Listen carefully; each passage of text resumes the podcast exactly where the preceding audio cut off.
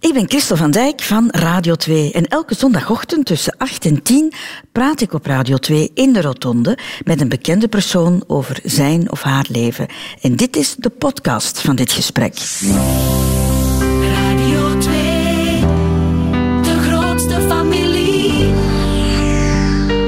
Goedemorgen. Ontbijt doen we vandaag in het gezelschap van Astrid Stokman, zangeres, eh, pianiste, ook een eh, televisiepersoonlijkheid eh, ondertussen. En een ongelooflijke liefhebber van de zee, heb ik de indruk. Ja. Astrid, hoeveel keer dat jij gisteravond en vandaag al hebt gezegd, oh, zo schoon Ja, het is ook hier." gewoon schoon. Maar ik ben misschien vooral liefhebber van schone dingen in het leven. En dit is toch wel prachtig, dit uitzicht. Ja. Heel rustgevend ook. En de zee hoort bij de schone dingen ja, in het absoluut. leven? Zeker als ze wat verlaten is. Het ligt hier niet vol zonnekloppers of zo. Dan, dan denk ik dat ik er wat minder van zou genieten. Maar eh, ja, zo een beetje grijs, een beetje verlaten, dat vind ik prachtig. Welkom in Westende, Astrid. Dank u, welkom in de. Rotonde. Radio 2.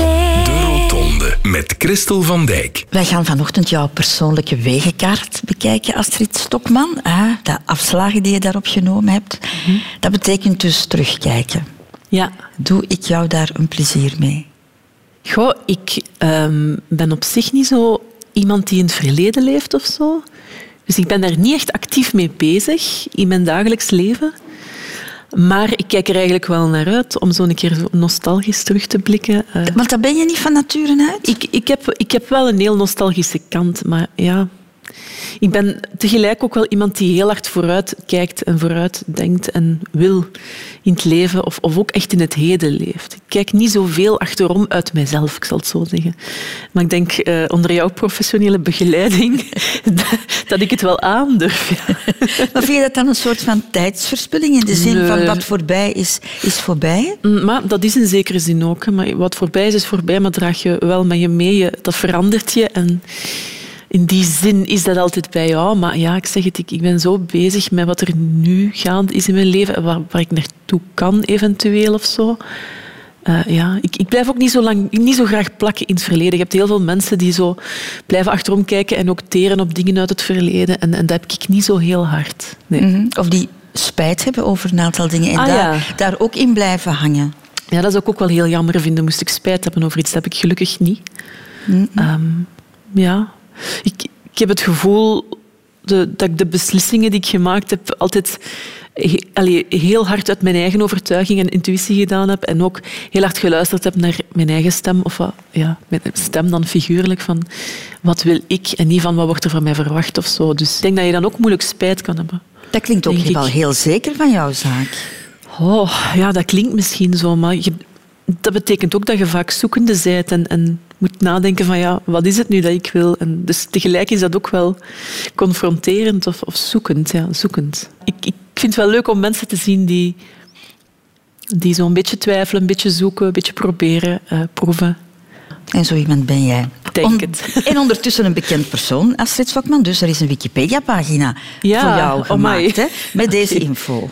Astrid Stokman, rond ze 19 februari 1987, is een Belgische sopraan. Dat is super raar Dat om te eh, horen. super kort, maar het, eh, het is de kern, het is de Het essentie. is de waarheid, hè? Ja. Het klopt allemaal. Ja, een bekende sopraan dus. ehm, maar er is ook een, een, een deel van jou geweest, of een, een, een periode dat jij niet bekend was. En Een heel grote daar- periode. Ja, en daar wordt niks over gezegd in die officiële Wikipedia-pagina. Maar wij hebben daar wel voor, voor gezorgd Ah, ja. dat dat verleden toch ook wel een plaats krijgt. Of uh, Han Koeken heeft daarvoor gezorgd. Astrid Stokman is geboren te Ronse op 19 februari 1987. Tot haar twaalfde sliep Astrid samen met haar twee jongere broers op dezelfde kamer. Over het algemeen verliep dat vlot, maar soms kreeg het kattenkwaad de overhand, geeft broer Arno ootmoedig toe. Ik herinner mij dat wij eens een Furby van haar hebben kaalgeschoren. De Furby die ze net had gekregen en waar ze lang naar uitkeek. En waar we een beetje jaloers op waren, denk ik. Die heeft het dus niet overleefd. Maar als er gevaar dreigde buitenshuis, trokken de Stokmansen aan hetzelfde zeel. Zo werd broer Arno al eens gepest op de lagere school. En toen kwam zus Astrid. een keer langs om, om eh, te praten met die jongen. Dus dat had wel een soort impact op eventuele pesters. Ja. Dat was wel leuk om er goed te staan. Naast het passioneel beschermen van haar kleine broertjes beoefende Astrid ook nog een andere activiteit met grote passie, namelijk muziek. Wanneer ze als kind op bezoek ging bij oma die een cafeetje had, dan was Astrid niet weg te slaan van... De jukebox die er stond en dat ze heel graag luisterde naar de oude plaatjes. Al snel vond Astrid haar weg in een muziekschool waar ze zowel muziek, zang, musical als toneel volgde. En niet enkel op de muziekschool blonk ze uit, vertelt jeugdvriend Charlotte van Mol met trots. Ze was een heel intelligent eh, meisje, altijd geweest. Hè. Ze, ze blonk uit eigenlijk in, in alles wat ze deed. In muziekschool was dat eh, topstudent, op school was dat topstudent. Ehm, ja, een wiskundeknobbel, een talenknobbel, noem het maar op. Ook haar oud-leerkracht Nederlands en Duits, Gabi Verzelen, heeft Astrid onthouden als een van de leerlingen die hem is bijgebleven. Zeker als regisseur van het schooltoneel blijft er iets hangen. Van spijt. Over dat jaar toen Astrid meespeelde in een stuk rond Stefan Modest Glorieux, zeg maar de Daans van Ronse. Toen heb ik eh, samen met enkele jonge collega's een eh, creatie gemaakt over die figuur. En dan heeft Astrid ook daarin gefigureerd. En zelfs ook, eh, ik geloof dat ze ook begeleiding heeft gegeven aan, via, met, een keyboard. ja, dus, maar ze heeft dan niet gezongen. En dat is, eh, ja, achteraf gezien, eh, was dat toch wel voor mij een gemiste kans. Zingen deed ze wel in de musical De Tovenaar van Os in 1987, waar de tienjarige Astrid het podium deelde met Katrien de Vos, die enorm onder de indruk was van de rust waarmee dat kleine meisje optrad. Dat is iets zeer raar bij dat, eh, bij dat meisje toen al. Zij is relax. Zij staat in het moment. eh, dat is zoals een kind dat speelt. Dat denkt ook niet van wat gaan ze ervan denken. Dus zij, zij doet haar ding. Zij zingt. Of zij staat daar. Zij heeft de mensen rust. Gewoon, zij staat in het moment. Ik denk dat dat haar grote luxe is. En één opvallend trekje van Astrid dat Katrien de Vos nooit zal vergeten. Maar wat ik nog altijd hoor, is die schaterlach van haar. Er zit een nachtegaal in. Heel even overwoog onze muzikale lachenbek nog voor ingenieur te gaan. Maar haar passie voor het podium en de muziek overwonnen het pleit. Astrid ging voluit voor de opleiding piano en zang aan het Lemmes Instituut. Met haar diploma op zak zou ze al snel haar opwachting maken in gerenommeerde kunstzalen als de Bozar en de Munt.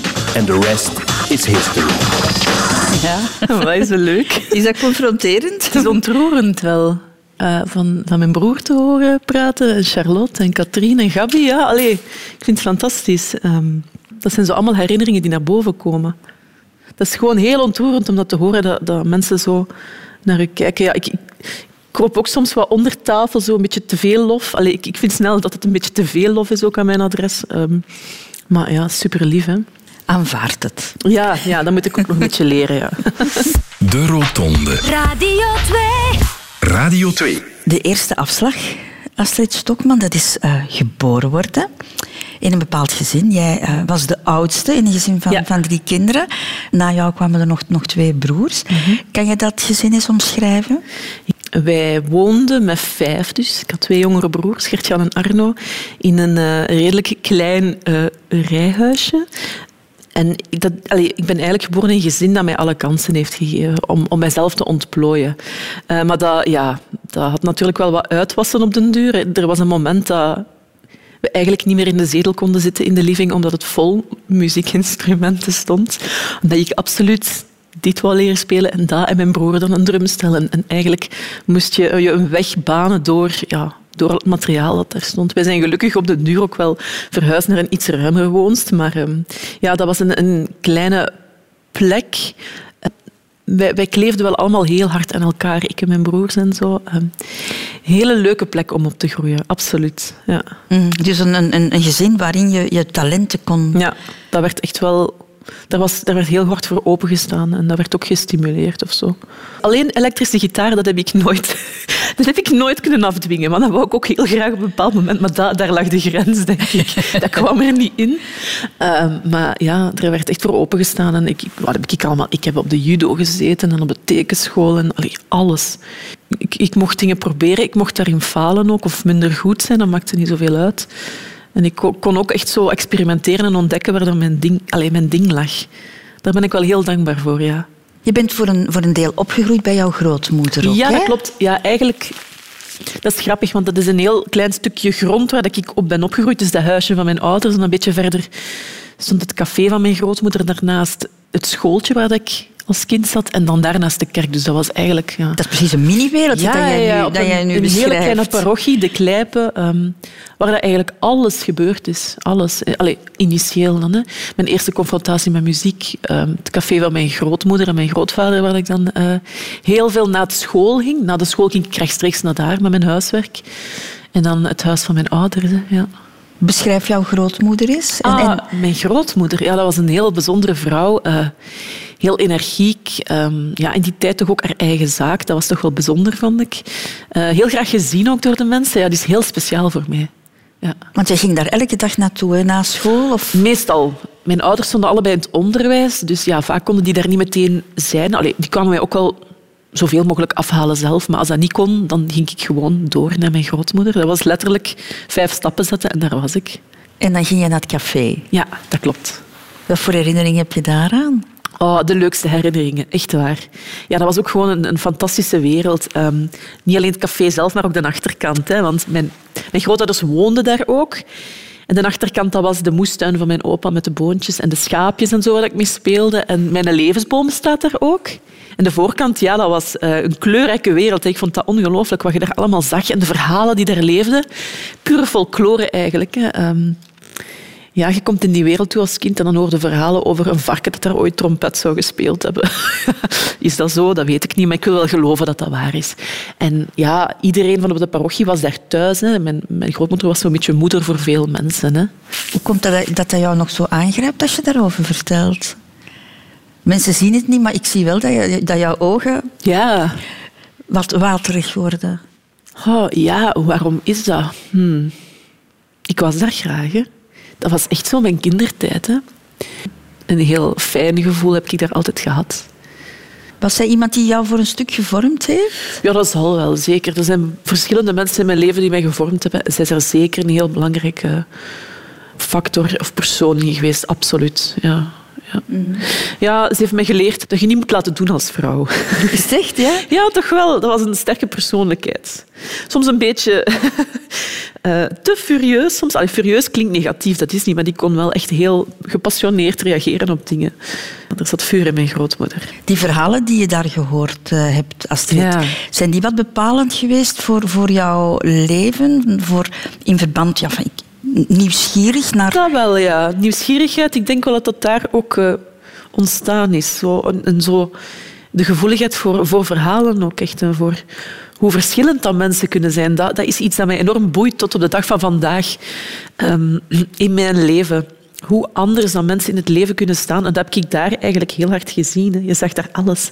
Van de pastoor tot de beetje zonderling eenzame man die alleen woonde en analfabeet was. En, en je, zag, je zag iedereen daar. En die waren allemaal gelijk. Je hebt daardoor ook misschien begrip leren opbrengen. Oh, zeker. Voor, voor mensen. God, dat zal wel, ja. Maar ik heb daar nooit echt veel bij stilgestaan. Voor mij is iedereen ook gewoon hetzelfde. Ze zeggen soms, hè, eh, zonder kleren aan ziet iedereen hetzelfde uit. En allee, figuurlijk dan. En ik geloof daar ook heel hard in. Voor mij is er geen verschil tussen iemand die notaris is of, of, of iemand die in een fabriek werkt of zo. Ik vind vaak die mensen soms zelfs interessanter. Ja. interessanter levensverhaal hebben. Ze is eh, vroeg overleden, Ja. hè? Hoe oud was jij? Een, een, een jaar of Hmm, Ik denk dat ik negen of tien was, ja. Ik zat in het vijfde leerjaar of zo. Ja, maar dat, was ook wel, dat zat er ook wel aan te komen. Ze was al heel lang ziek, maar toch was dat wel onverwacht. Ik had niet gedacht dat, dat ze ooit zou sterven, maar natuurlijk als kind. En kon je daar met haar over praten? Daar praten Dat we ze- niet echt over, nee. nee. Nee. Nee, maar tot het, ik weet ook, ik herinner me ook tot het einde dat ze echt zo daar niet mee bezig was of zo. Allee, in de zin van... Ja, hoe moet ik het zeggen? Op het einde lag zij dus op palliatieve zorg. En, ehm, ik weet dat mijn, mijn grootvader op een moment binnenkwam, al huilend. Ja, omdat ze gezegd hadden aan hem van ja, het is, het eigenlijk een kwestie van dagen. En hij kwam binnen en zei ze direct, wat is er, wat scheelt er? Is er iets met café? Is er iets met een auto? Zo allerlei prakticiteiten dat ik dacht van, maar waar denkt jij nu aan? Dus die was altijd zo bezig met, met andere zaken. En niet met het feit van, ja, ik lig hier wel te sterven. Dat, dat vond ik wel tekenend, ja. Hoe ga je daarmee om als, als, als klein kind met zoiets? Begrijp je dat? Ah, ja, je moet wel rekenen. Zij lag op een gang op palliatieve. Een hele lange tijd eigenlijk. Want ik zat daar ook na het school dan mijn huiswerk te doen. En je ziet ook wel die andere mensen wegvallen op die gang. Ik weet dat ik ook bevriend was met iemand, een andere patiënt op die gang, want ja, je woont daar dan bijna. Hè. En dat zij ook stierf en ja, je weet gewoon van ja, dat gaat gebeuren. Ja, dat is raar, want dat is het eind van een hoofdstuk. Ja. Je was de oudste van een gezin van drie, Astrid Stokman. Ehm, zou jij jezelf een typische oudste noemen? Wat is een typische oudste? Iemand die zich verantwoordelijk voelt, die Ja. graag de, de dingen controleert, in leiding neemt. in, In in leiding misschien niet, maar ik voelde mij wel verantwoordelijk voor mijn twee jongere broers. Ja? Ja. Ja, hebt het daar straks misschien ook gehoord wat Arno zegt, geldt ook voor, voor Gert-Jan. Ja, als, ik, als ik hoorde of opving dat er op school dat daar ergens vervelend tegen gedaan werd, dus ik kon daar niet tegen, ik kon dat niet verdragen. Ehm, dus ja, dan zou ik het wel al eens opgenomen hebben voor hen op een manier van niet hardhandig, maar gewoon heel duidelijk stellen aan die mensen van stop, stop nu, want je gaat problemen krijgen. Terwijl dat was gewoon stoerdoenerij, want wat, wat zou ik gedaan hebben? Maar ik vond dat wel echt allee, mijn plicht als grote zus of zo. Blijkbaar zouden, enfin, heb ik toch eens gelezen, oudste kinderen ook ambitieuzer zijn. Nou, dat weet ik niet. Is dat zo? Ik heb de indruk dat mijn broers ook ambitieus zijn, hoor. En allee, ik weet dat veel mensen zo naar mij kijken, maar ik kijk niet per se naar mezelf als een ambitieus persoon of zo. Allee, ja, dat klinkt misschien raar. Ik, ik ben niet echt bezig met succes of zo, maar wel met wat dat mij gelukkig maakt. En dat is nu toevallig muziek. En, Snap je? Maar ik denk dat wij alle drie best ambitieus zijn. Ik denk niet dat daar heel veel onderscheid in is, nee. Want mijn twee broers hebben ook een heel mooie carrière en zo. En eh, doen dat heel goed. Ik ben er best trots op. Kan ik zeggen dat je ambitieus was in de zin van heel veel willen Ja, maar dat was eerder- heel veel willen Ja, uitproberen? dat was eerder gulzig, denk ik. Minder ambitieus, maar meer gulzig eh, in het leven staan. En ja, gewoon van heel veel dingen houden of, of willen uitproberen. En dat zit er wel in bij mij, ja. Had je dat nodig om, om, om geprikkeld te worden? Goh, ik denk dat wel. Het, het ding is een beetje bij mij... ehm, ik weet, ik heb heel vroeg eh, leren lezen al. In het café ook. Wat een, wat een verrassing. Bierkaartjes, bierflesjes, Suske en Wiske strips uit de slaapkamer van mijn tante. Eh, ik denk dat ik drie was en las. En aanvankelijk geloofden mensen dat ook niet in het café. Dus ze lieten mij dan zo als, als een beetje als een, eh, een aapje van alles lezen. En dan dachten ze van, ja, iemand heeft daar dat ingefluisterd. Dat kan niet, maar ik las heel vroeg al. En ehm, daardoor kwam het ook dat in het eerste leerjaar dat mijn toenmalige leerkracht zoiets had van we gaan er even naar het PMS laten gaan. Heette dat toen? PMS. Nu is dat CLB, denk ik. Maar ja, ik was er helemaal niet mee bezig. Ik speelde graag en ik proefde van van alles. En, en daar zeiden ze van ja, misschien moeten we er toch een jaartje hoger steken. En dan hebben ze gezegd tegen mijn ouders, zorg maar dat ze veel te doen heeft buiten school. Ja, whatever that means. Maar ik vond dat niet erg, want ik, allee, ik kon dan zeggen, ja, oh, dat of dat of dat of dat. Dus ja, ik deed ook van alles naast school. Dat was eigenlijk gestimuleerd vanuit dat CLB dan. Ehm, Dat is misschien wel verstandig geweest. Het was eigenlijk om te voorkomen dat jij je zou Ah, wel, vervelen. Maar dat weet ik dus niet. Ik heb nooit te horen gekregen van eh, er is dit met u of dat, of je hebt dat IQ of zo. Ik ben daar ook totaal niet mee bezig. Eh, maar ik denk wel dat ze herken, herkend hebben aan mij dat ik van veel wou proeven of zo. Of heel veel interesses had. Ja. Heb jij jouw intelligentie altijd als een pluspunt beschouwd? Maar ik vind dat ten eerste al zo vreemd als mensen dat woord gebruiken voor intelligentie, want ik voel me niet intelligent of zo.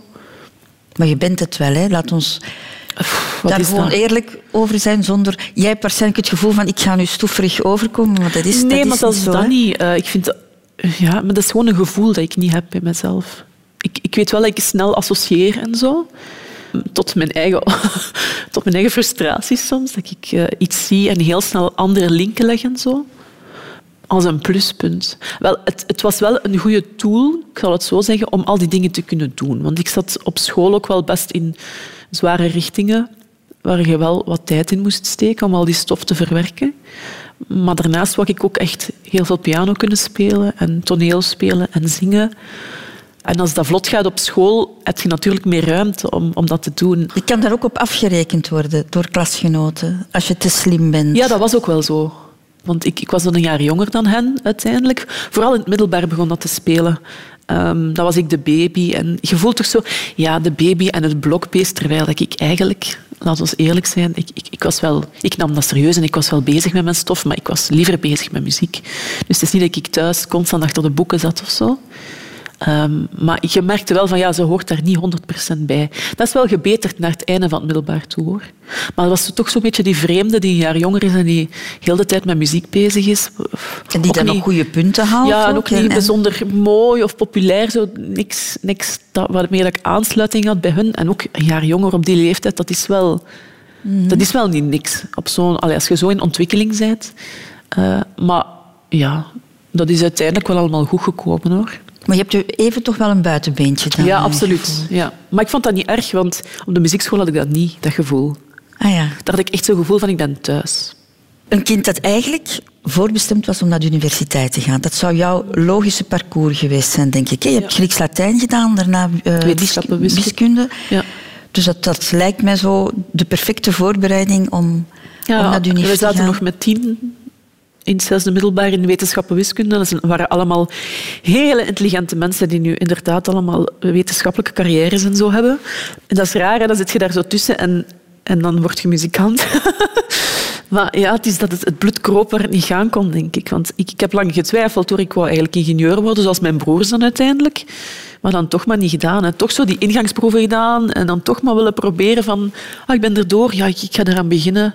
Dat schooljaar aan, aan uh, conservatorium begon vroeger dan aan de universiteit. Dus ik had zoiets van, ik ga dat doen. Ik ga dat proberen, we gaan zien. En ik, ja, ik ben daar nooit mee gestopt, eigenlijk. We hebben het al over jouw liefde voor muziek gehad, eh, Astrid Stokman. Dat is een beetje de rode draad in, in jouw leven. Ja. Van wanneer wist jij van, dat maakt mij gelukkig? Direct. ik kan wel zo'n paar momenten opsommen, hoor. Dat ik dat heel, heel hard gevoeld heb als kind. Dat is zeker begonnen, zoals mijn broer daarnet zei, aan de jukebox in het café. Ik weet dat in het café in de jaren 90 stond zo'n gigantische hi-fi-toren. Die stond thuis ook. Dat was dan heel in. Dat was echt een soort van opeenstapeling van modules, een versterker en een cassetterecorder. En ik vond dat heel intrigerend en imposant, maar ik trok toch wel altijd naar de jukebox die eigenlijk verbannen was naar een achtergangetje. Want dat had lichtjes en daar kwam zo'n heel warm geluid uit. En dan waren ook zo ja, heel eenvoudige liedjes. Dus ik zo... Ik, op zondagnamiddag stond ik daar, punt. Dan was ik plaatjes aan het draaien. Uh, en ik was er niet weg te slaan. En ik weet ook nog een moment dat ik um, besefte dat je ook muziek kon maken. Dus niet alleen naar luisteren. Dat was toen dat ik met mijn grootmoeder naar de kerk ging. Op, was dat een vrijdag of een zondag? Ik weet het niet meer. Maar ik hoorde mensen zingen, maar ik zag ze niet. Dus ik dacht, dat is zoiets als de hi-fi-toren, dat is zoiets als de jukebox. En toen werd mij verteld van ja, er zitten mensen boven en die zijn aan het zingen. Ik denk dat ik toen vijf jaar moet geweest zijn, of vier jaar, ik weet het niet. En ik ben toen mee naar boven gegaan en ik zag die mensen zitten. Dat was eigenlijk gewoon een parochiekoor. Ik had zoiets van, wow, ah, maar dat wil ik ook. Ja, maar dat wil ik doen. ik was er niet mee bezig dat ik dan heilig heilig moest zingen of zo. Dat maakte mij niet uit, maar ik wilde muziek kunnen maken. En wat voelde jij toen als kind, toen je dat hoorde en zag?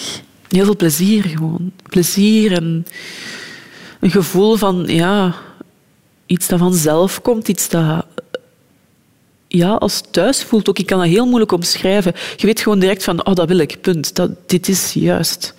Ik weet ook dat ik als kind altijd uh, op, hoe heet dat? Heet dat een commode, zo'n lage kast, die in de living van ouders stond, dat ik daar op ging staan en de hele cd van Samson en Gert, die net was uitgekomen, playbackte. En dan moesten de buren komen kijken, weet ik veel wat. Ja, plezier en het spelplezier zit voor mij allemaal in muziek.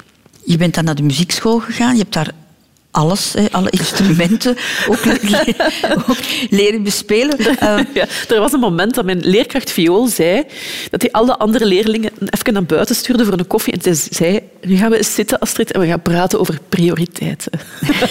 dat ik zoveel dingen daar deed. En dat hij ook zag van, oké, maar er zit wel iets in, maar we moeten beginnen kanaliseren van wat gaat ze nog allemaal doen? Want ik deed zoveel. Ik, ik denk dat ik op een bepaald moment, inclusief alle repetities voor musicals, zodat ik 32 uur in de week op de muziekschool zat.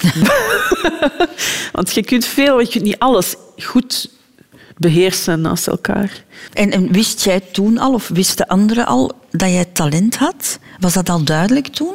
Ik denk dat wel. Ik herinner me mijn eerste eh pianoleerkracht, die in de derde of de vierde of de vijfde week dat ik les had van haar, ineens naar een ander lokaal liep om een collega piano, pianoleerkracht te halen om te zeggen van, ik moet hier eens naar komen luisteren. Terwijl dat, ja, ik niet het gevoel had toen dat ik iets bijzonders deed, of dat ik dat nog altijd niet heb. Dat is het wel. Ik heb niet het gevoel van ik doe iets buitengewoons of zo, maar ik amuseer mij gewoon enorm. Er zit heel veel plezier in wat ik doe. Dat wel. Het lijkt erop alsof het allemaal vanzelf ging, dat je daar Ah, niet... dat nu ook niet hoor. Nee, ik heb er ook wel heel veel. Ik, ik, ik, was, ik had alle dagen aan mijn instrument. eh, maar dat was geen opgave of zo. Op vakantie miste ik ook echt mijn, eh, mijn piano. Een week Centerparks, ja, dat was een week geen piano. En dat was thuiskomen en direct naar die piano. Je hebt dan getwijfeld hè, om, om eh, ingenieurstudies aan te Ja. vatten, maar je bent dan toch uiteindelijk naar het Lemmens Instituut eh, gegaan. Hoe, hoe sterk is die twijfel geweest tussen die twee? Eigenlijk denk ik dat ik altijd geweten heb waar dat ik zou eindigen. Maar dat ik daar zo even zo op een punt stond van ja, wat is het misschien het meest wenselijke in het leven om voor te gaan of het meest veilige? En dat was dan natuurlijk mijn universitaire studie. In mijn hoofd. Hè. Ehm, maar ik voelde tegelijkertijd ook van ik ga dat graag doen, maar ik ga daar spijt van hebben. Dat heb ik toen wel gevoeld.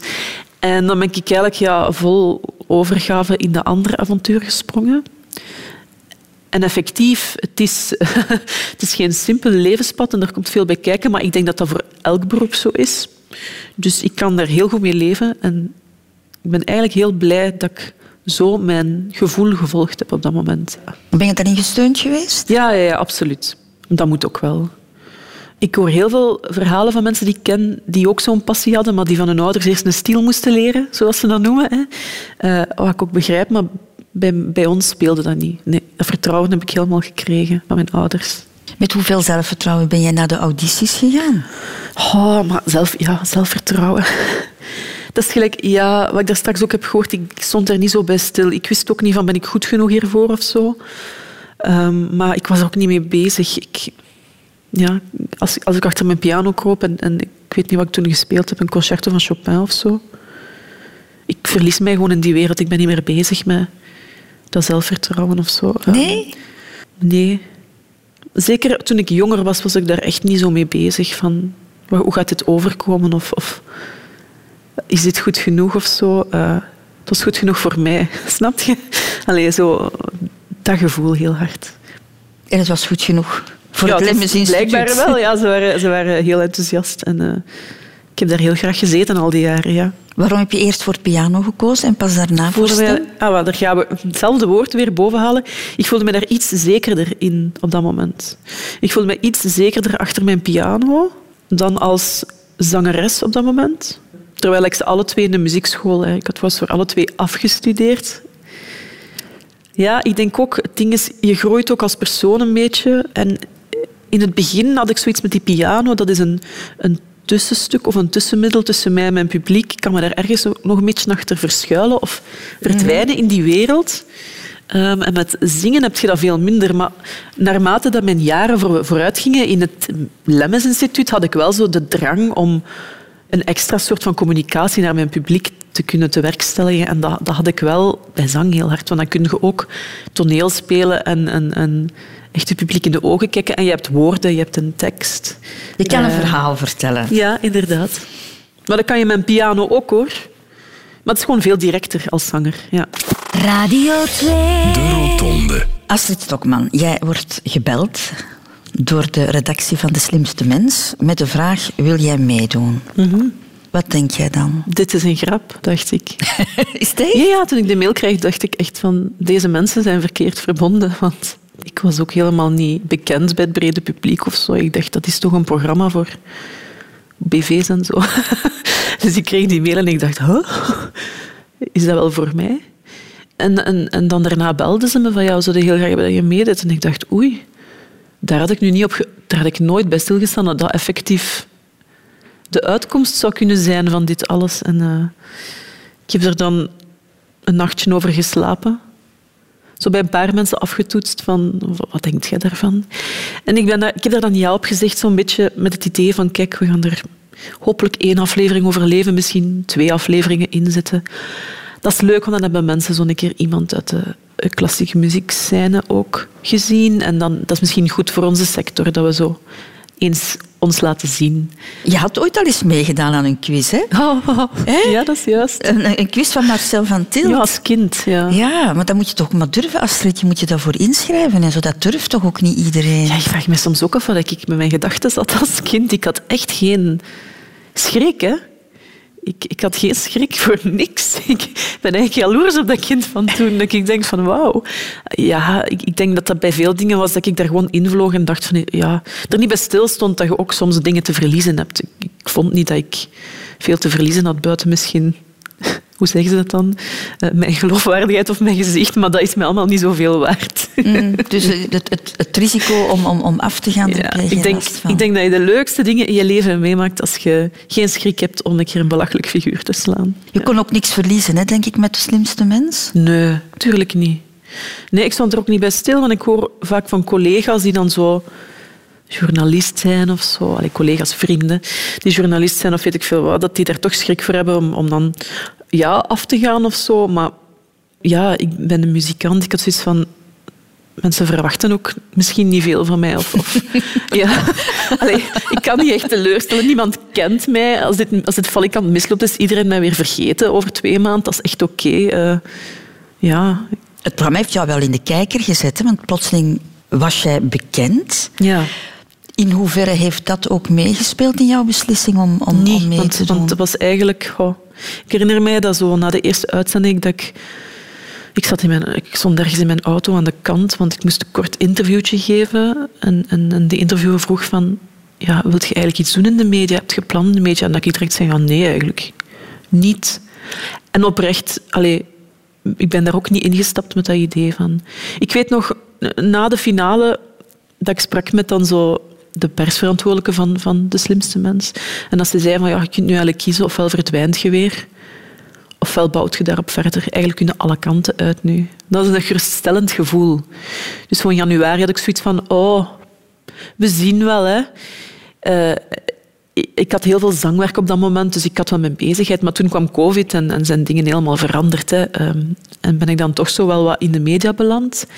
Ik vind dat niet erg, hoor. Ik, voor mij is het heel belangrijk dat ik wat ik doe, dat ik daar ook iets voor andere mensen mee kan betekenen. En, en het geeft u wel een manier om meer mensen te bereiken. En meer mensen ook een moment van geluk te geven of zo. Ja, en ook, allee, ik denk dat dat ook geen schande is. Uh, het geeft jou ook wel werkzekerheid. Want in feite ben jij een ondernemer, hè, Astrid. Ja, jij bent ja. je eigen product dat je moet Ja. verkopen. Ik hè? voel mij ook heel hard een ondernemer. Ja. Dat is misschien, sommige muzikanten gaan dat misschien een vuil woord vinden. Ik vind dat niet. Ik denk dan ook aan mijn grootmoeder bijvoorbeeld, die ook een vrouwelijke ondernemer was in zekere zin. En dat ben ik, ben ik ook. Ik ben eigenlijk een kleine zelfstandige. Hè. We zullen het zo zeggen. Hè. Dat is geen schande, hè? Nee, je moet ook allee, overleven in deze wereld. Hè. Je moet je huur kunnen betalen. En, eh, en hoe mooi is dat als, dat dan, als je de mogelijkheid krijgt om dat te doen met, met wat je het liefste doet. Dat is een enorme, ja, een enorm geschenk waar ik elke dag dankbaar voor ben. Nu, als je voor een opleiding eh, als muzikant kiest, dan kies je ook wel voor een zekere vorm van onzekerheid. dat klopt. Hè? Ja. Ik heb die opleiding aangevat met in het achterhoofd. eh, ik geef ook heel graag les. Dus ik kan ook altijd les geven. En ik heb dat ook acht jaar gedaan. eh, aan heel verschillende profielen en mensen en kinderen en volwassenen. En toen werd het zangwerk zo allee, talrijk dat ik dat eigenlijk niet meer kon combineren. En heb ik met een beetje spijtend hart dat onderwijs even op pauze gezet. Dat is ook durven, hè? Ja, ik heb daar ook lang over nagedacht. Van, oeh, oeh. Want het eerste jaar is eigenlijk best zwaar. Want ik had een halftijds in het onderwijs en dan daarnaast mijn zangwerk. En daar kwam ik wel mee rond. Maar ineens valt het grootste stuk van je inkomen weg. En moet je eigenlijk dat werk gaan genereren en, en, en zelf zien van ja, waar kan ik wat gaan doen. Dus dat was wel even... Hoehoe. Hoe moet ik het zeggen? Ja, dat was even schrikken, maar had ik er ook wel voor over. Ehm, en dat klopt dat je in een ehm, leven van onzekerheid leeft. Dat klopt heel hard. En ook van pieken en, pieken. pieken en pieken in mijn geval. Ik ging zeggen pieken en dalen, maar hele drukke periodes. En, en als je dan wat minder druk hebt, dan zit je bezig met studeren, met nieuwe Mhm. muziek leren en zo. En, en schaven aan wat dat je doet. En zo blijft je bezig. En, Maar ben jij iemand Ja. die makkelijk de tering naar de nering kan zetten? Als het financieel wat minder goed gaat, dat dat je anders gaat leven? oh ja, Ja, je moet natuurlijk wel ook. Ja, ik, ik, eh, maar ja, ik mag niet klagen. Ik huur een heel leuk appartement in Antwerpen. Ik rij met een heel bescheiden autootje. al, al heel mijn leven met heel bescheiden autootjes waar soms stukken afvallen, maar dat is charmant. Ehm, maar eh, ik kan ook wel mezelf echt eh, kleine luxes of grotere luxes eh, veroorloven. Ik, ja, ik heb geen probleem om lange tijd met minder te doen of, of zuinig te leven of zo. Helemaal niet. Maar ik vind ook dat je daar ja, niet te hard mocht doordrijven. Dat je ook moet kunnen, als je in Parijs bent, zeggen van ik ga toch die koffie van 5 euro op een terras drinken omdat ik hier een mooi uitzicht heb en even zo bij de koning te rijk wil voelen. Maar bijvoorbeeld, ja, ik, ja, ik kan jarenlang heel bescheiden op vakantie gaan in Airbnb's van 30 euro per nacht. Waar je eigenlijk te ver van de muur bladdert. Maar ik kan dan ook gewoon naar Amerika gaan voor twee weken om de zoveel jaar en daar intens van genieten. Hoe heb je op dat gebied die coronatijden beleefd? Astrid? Ah, was dat dat, was- Een, een, een zware last? En dan heb ik het gewoon financieel nu. Hè? Ja, Niet- dat is wel, met, met periodes is dat heel heavy geweest. Ja. Zeker het begin. Eh, dan had ik gelukkig de zomer. De zomer waren wij open als sector. Ik had de programma's met Karel. Ik had heel veel werk. Ik, kon, ik heb toen ook heel, heel hard gewerkt. Ik was eigenlijk elke dag aan het werk met het idee van dat gaat hier weer sluiten. En ik moet nu de schade inhalen van, die gepasseerd is en ik moet de schade inhalen die komt. Eh, en dan eind oktober zijn we weer gesloten. En ik heb ja, mezelf zo wel een beetje aan het werk kunnen houden. Ik ben wel iemand die heel hard kijkt van wat heb ik nog in handen, wat kan ik nog doen, wat kan ik daarmee aanvangen. Ik ben op dat vlak wel... Ik blijf niet bij de pakken zitten of zo. Dus ik heb wel dingen kunnen doen, maar dat er een zware terugval is geweest, dat is hoe dat is. Hè. Wij zijn toe, hè. Allee, wij zijn lang toe geweest, dan kun je niet veel doen hè, als artiest. De afslag liefde. Aha. Astrid. Is dat een afslag? maar- Toch wel, we nemen die of we nemen die niet. Um, Wat waren jouw verwachtingen als, als jong meisje? Oh, die had ik niet. Ik ben ook niet zo typische meisje dat zo'n... Een, ja, hoe zeg je dat? Een zelfverzonnen trouw al op haar zestiende in een boek heeft geplakt en onder haar bed bewaart of zo. Maar ja, ik vind het wel fijn dat je in je leven mensen naast u kunt heb, hebben staan die, die, je steunen en die, die samen met u dat pad willen bewandelen. Dat wel. Maar zo echte verwachtingen, nee. Gelukkig niet, denk ik. Ik denk dat je dan, als je, als je heel grote verwachtingen hebt als kind op relatievlak, dat je wel een paar eh, klappen kunt krijgen, denk ik, in het leven. Maar het is wel mooi dat je dat nog kan idealiseren voor een leven Ja. de klappen krijgt. Ik denk wel dat, dat, dat mijn beeld over de liefde veranderd is over de jaren heen. Dat sowieso. Ik ben daar wel nuchterder in geworden, dat wel. Of, of zo. Ja, de, ver- de verwachtingen liggen laag. Dat klinkt heel raar, hè? Maar ze liggen laag, maar dat is eigenlijk goed. Als je in het idee van relatie stapt met een heel duidelijk plan, een heel duidelijke wishlist en zo, eh, pff, dat kan lukken hoor. Dat kan lukken, maar ik denk dan 90% van de tijd dat je dan tegen muren loopt. En heb je nooit dat traditionele idee dan gehad? van- Jawel. Jawel, ik heb een lange relatie gehad. Ehm, toen ik het conservatorium zat, heb ik acht jaar met iemand, of zeven, acht jaar met iemand samengewoond. Ehm, en dat, was, dat ging richting eh, huisje, boompje, tuintje, echt zo. Ja. Maar dat is dan ja, misgelopen rond, ik denk, wanneer was dat? Ik weet dat zelfs niet meer, eind mijn twintiger jaren. 26, 27 of zo. Maar dat is wel goed dat dat misgelopen is.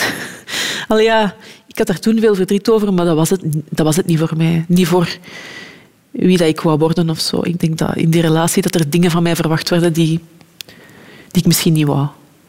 Heel traditioneel, heel... eh, ja, mezelf opzij zetten voor een gezin of voor kinderen of weet ik veel wat. En met hetgeen dat ik doe, met mijn carrière, is dat misschien toch niet zo gemakkelijk. Zonder zelf ongelukkig te worden, ik zal het zo zeggen. En is dat beginnen knagen dan op een bepaald moment bij jou?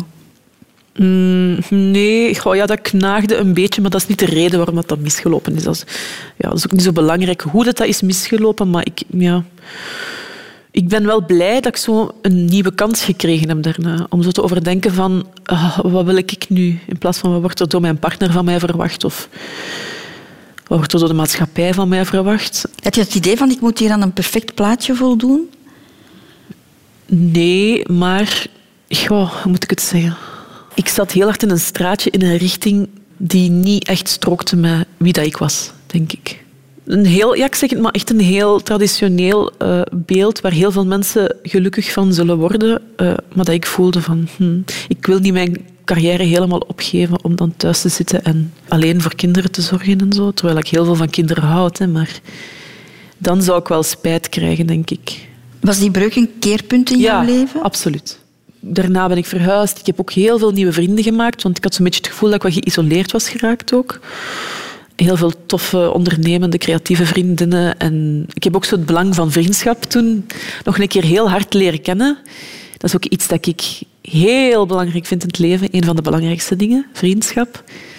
En ja, dat heeft mij ook tijd gegeven om zo echt even op mijn carrière te storten, zonder dat iemand mij daarvoor veroordeelde of mijn schuldgevoel aanpraatte. En dan, ja, dan ben ik een tijdje alleen geweest, enkele jaren. En dan weet je beter als je iemand tegenkomt van dat is iemand die mij mijn gang gaat laten gaan. Dus in zekere zin was dat wel een keerpunt, ja.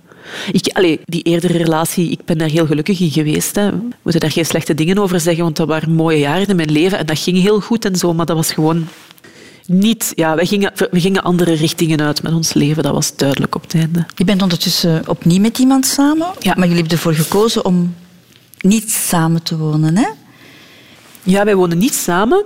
Dat is gewoon ook zo. We zijn al wat ouder. Ik woon op een bepaalde plek, hij woont op een andere plek. Dus ja, je hebt allebei al een beetje je leven opgebouwd. Het is anders dan als je jong bent en elkaar leert kennen. Het is niet dat je zo even alles overboord gooit en, en verhuist. En met dan mijn carrière, die tot voor corona heel vaak uithuizig was, was dat misschien ook goed. Ik, ik had mijn eigen plek, mijn eigen honk, waar ik heel vaak mijn valiezen dan thuis kwam en een nieuwe valies maakte en weer vertrok. Dat is zo'n beetje gelijk een vogel die op zijn nest landt en dan weer vertrekt. En ja, denk dat dat goed... Ik kwam, soms op, ik kwam toen... Ik kwam, ik moet in de verleden tijd spreken door corona, maar ik kwam vaak op de meest onmogelijke momenten thuis of moest op de meest onmogelijke momenten vertrekken naar Zaventem enzovoort. En als je een partner hebt die zo meer een, een gestructureerd leven heeft, ik denk dat die daar gek van wordt, denk ik. Dus ik wil ook niemand gek maken met mijn leven. Maar ja, zo is dat gewoon ontstaan en dat is nu nog steeds zo. Dat is nog altijd een latrelatie. En dat, is niet, dat staat voor mij niet in steen dat dat altijd zo zal blijven of zo. Hè. Maar dat is niet iets dat ik nu op wil drammen of pushen om dat te veranderen of zo, want eigenlijk werkt dat wel. Nu past dat het best bij jouw levensstijl. Ja, nu is dat wat anders door COVID, met dat ik heel veel thuis zit en zo, denk ik soms van, het zou misschien wel leuk zijn om, om zo nog iets meer gemeenschappelijke hong te hebben of zo. Maar ja, ik denk dat de toekomst dat gaat uitwijzen. Maar het neemt de druk een beetje weg bij jou om door niet samen te wonen. Ja, ik denk dat het ook mooi is dat als je al wat ouder bent, je hebt je eigen leven en dat dat ook een plaats heeft en dat, dat iedereen ook zichzelf mag en kan zijn. En ik vind dat dat ook wel wat... Die latrelatie eh bewerkstelligt dat ook wel. Je hebt ook je eigen wereld en je eigen leven. En ik vind de momenten dat je dan ervoor kiest om samen te zijn, dat dat echt heel bewust gekozen is en dat dat een surplus is ook. De grootste familie. Radio 2. Je hebt geen kinderen, Astrid eh, Stokman. Nee, dat klopt. Of moet ik zeggen, nog geen kinderen? Of... Ik weet dat niet. Ja. Ik denk dat dat weer zoiets is dat ik eh, niet weet, maar ook... Ik denk ook, moest ik die drang echt heel hard voelen of al gevoeld hebben dat het er al geweest zou zijn. Maar heb je Ehm, er ooit aan gedacht? hè? Want je ja. hebt een, een, lange Ja, ja, ja. relatie gehad. Dat is ooit wel zo een plan geweest of een idee geweest. In mijn vorige relatie, die toen is spaak gelopen. En toen heb ik eerst gedacht van... Eerst was ik heel verdrietig, want ik dacht, tju, hè, en ik wou kinderen. Maar dan dacht ik van, wou ik kinderen? Wou ik kinderen? Wou ik kinderen? Snap je? Wat, wat, wat wou ik eigenlijk? Of wou hij kinderen? Ja, dat ook. Of, of wou ik misschien geen kinderen, maar iets anders. Wou ik mezelf eerst ontplooien of zo. En daar heb ik wel tijd voor gehad om, dat, om dat over na te denken. En ik ben nu samen met iemand die geen kinderwens heeft. En dat was van in het begin heel duidelijk. Die heeft dat ook gezegd tegen mij. En ik heb niet zoiets gehad van... Oei, oei alarmbel. eh, ja, dat gaat niet lukken of zo. Nee. Dus dan vertrouw ik eigenlijk wel mijn eigen gevoel daarbij van... Ah ja, oké we zien wel, ja, dan is dat zo, dat geeft niet. Maar ik hou heel veel van kinderen en ik ben heel vertederd door kinderen en zo. Dat wel. Eh, maar ik denk anderzijds ook, en daar moeten we heel eerlijk in zijn, ik denk dat veel mensen, ehm, ik hoor dat toch van vrienden, dat die beginnen aan kinderen en achteraf zeggen van... Oh, ik had niet verwacht dat dat zo ingrijpend zou zijn. En ik ben iemand die heel goed weet hoe ingrijpend dat zal zijn. Snap je? Ik ben misschien mij daar overbewust van. En ik denk soms met mijn leven, met mijn uh, beetje nomade carrière, um, kan ik een kind wel genoeg honk of houvast geven of structuur geven, de structuur die het verdient of zo. Moet ik een kind meesleuren in, in dat bestaan van uh, onderweg zijn en onzekerheid en onregelmatigheid? Hm, misschien niet.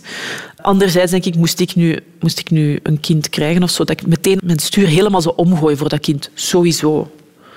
Uh, en alles zo opgeven. Maar zolang ja, dat ik zo de keuze heb...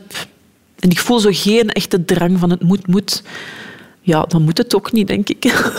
Mm. Dus ja, vandaar zijn er inderdaad nog geen kinderen of geen kinderen. Ik kan er niet goed op antwoorden. Heb je echt het gevoel gehad dat je moest kiezen op een bepaald moment tussen carrière en, en kinderen? Dat gevoel heb ik niet gehad, maar ik denk wel dat dat een keuze is die je moet maken als vrouw.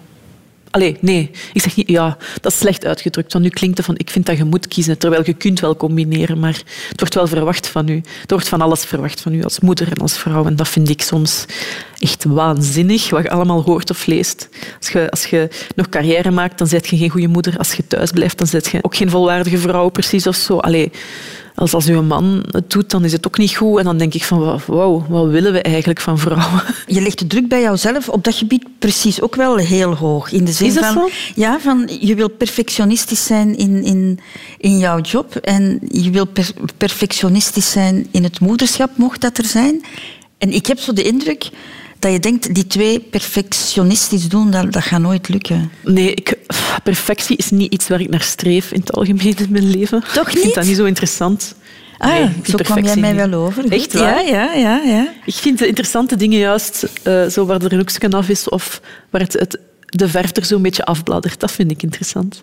Dus ik denk niet dat het uit een vorm van perfectionisme komt, maar wel een soort van plichtsbewustzijn of zo. Heb je het gevoel dat mensen het raar vinden als jij zegt dat je niet kiest voor die afslag? Of dat je je moet verantwoorden? Oh, over het algemeen valt dat goed mee.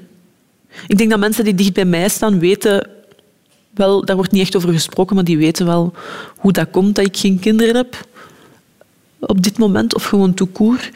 Daar wordt zo wel vaak naar gevraagd in interviews en zo. Wat ik dan ook wel eens wat grappig vind, van denk ik van ja, vraagt je dat ook aan mijn mannelijke collega's? Dat vraag ik ook aan de mannelijke Ja, dat vind ik wel. Dat vind ja, ik ja, wel. ja, maar ik had het niet, niet over jou per se. Maar ehm, soms vraag ik me dat wel af.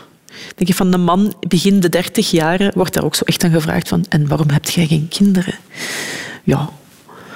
Maar het hoort natuurlijk bij het vrouw zijn. Eh, maar ik denk ook dat je echt een volkomen volmaakte, leuke vrouw kunt zijn zonder kinderen. Dat denk ik wel. En nogmaals, daarmee zeg ik niet van ik wil nooit kinderen of zo, maar ja, ik, ik voel het niet op dit moment. Ik denk echt, moest ik heel, heel hard en graag kinderen willen met iemand dat het er gewoon zou zijn. Ik ben daar ook gewoon niet zo hard mee bezig. Je leeft ook aan 120 per uur. Hè? Zoals je zelf al zei, van, eh, eh, jouw living is een soort van parkeerplaats waar je even stopt en, en, en, en dan terug vertrekt. Heb jij nooit behoefte aan die rust om wat meer dat honkvaste te hebben? Maar dat komt wel met de leeftijd. Maar ik, ik heb altijd zo, ben er altijd in geslaagd om rust te vinden op vreemde plekken in kleine dingen. In de zoveelste Ibis budget in een of andere banlieue van Parijs. Dat je toch zo een thuisgevoel kunt creëren of een moment van rust kunt vinden in dingen. Maar ik voel wel met dat ik ouder word, bijvoorbeeld nu huur ik zo'n appartementje in de stad. Ik kan me wel voorstellen dat ik op termijn misschien terug naar het platteland verhuis en misschien ook wel iets graag zou kopen dat van mijzelf is of zo. Dat zal misschien niet zo gemakkelijk zijn, maar dat is wel iets dat nu zo door covid ook wel zo wat komt piepen.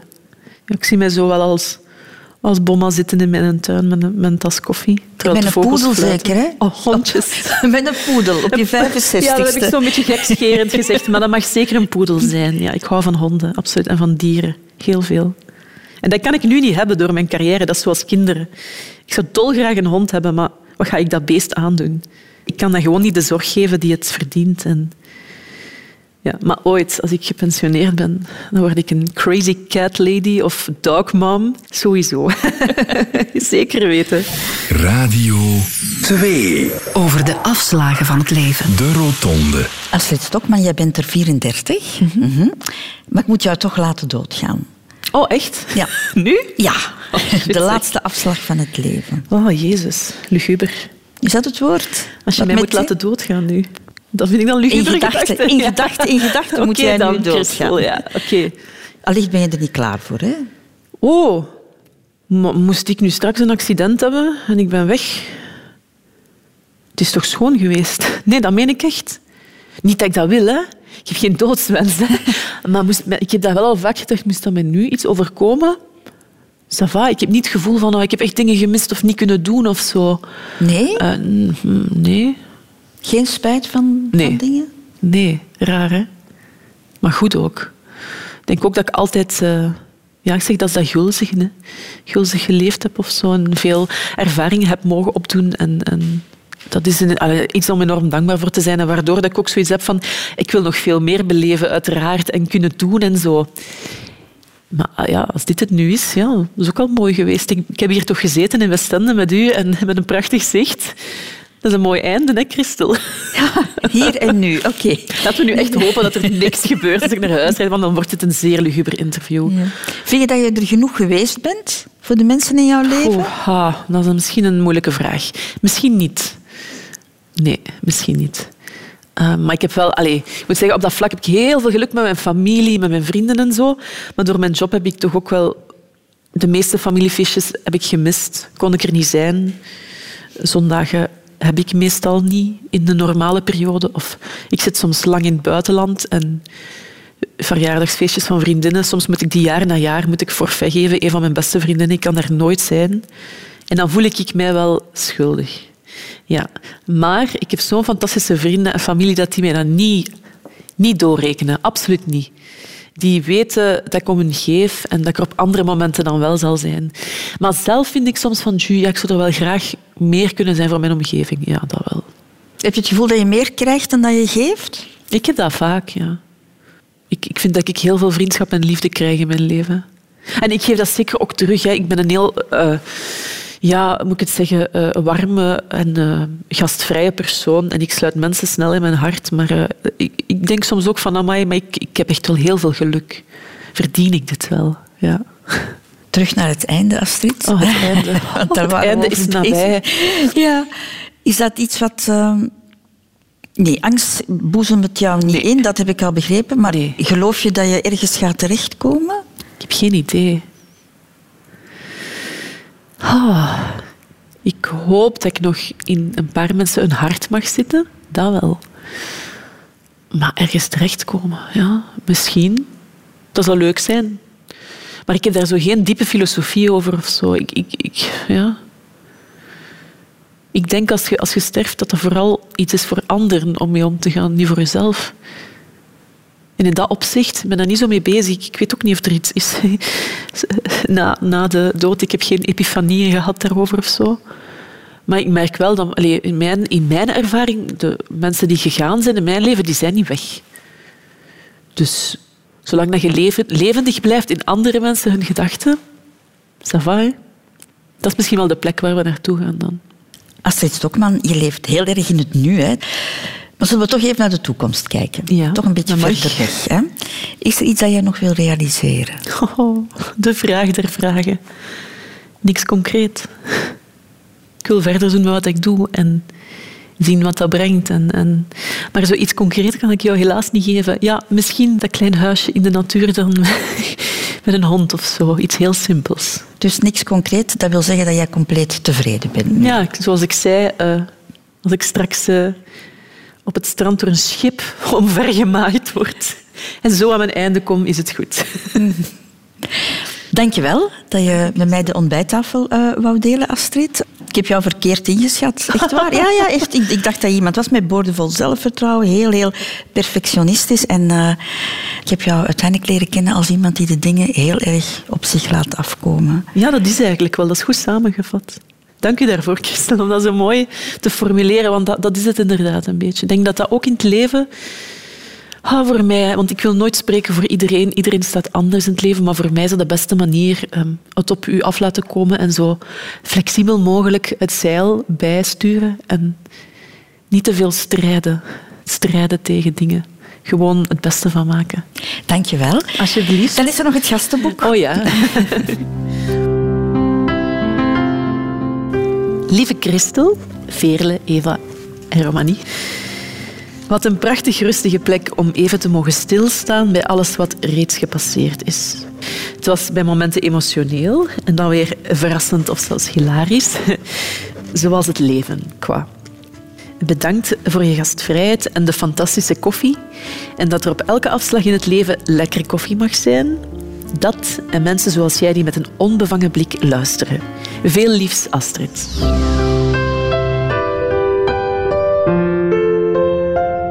Radio 2. Heb je genoten van dit gesprek? Wel, beluister dan zeker ook de andere afleveringen van de Rotonde. En nog meer podcasts van Radio 2? Ook de rechtvaardige rechters vind je in je podcast-app.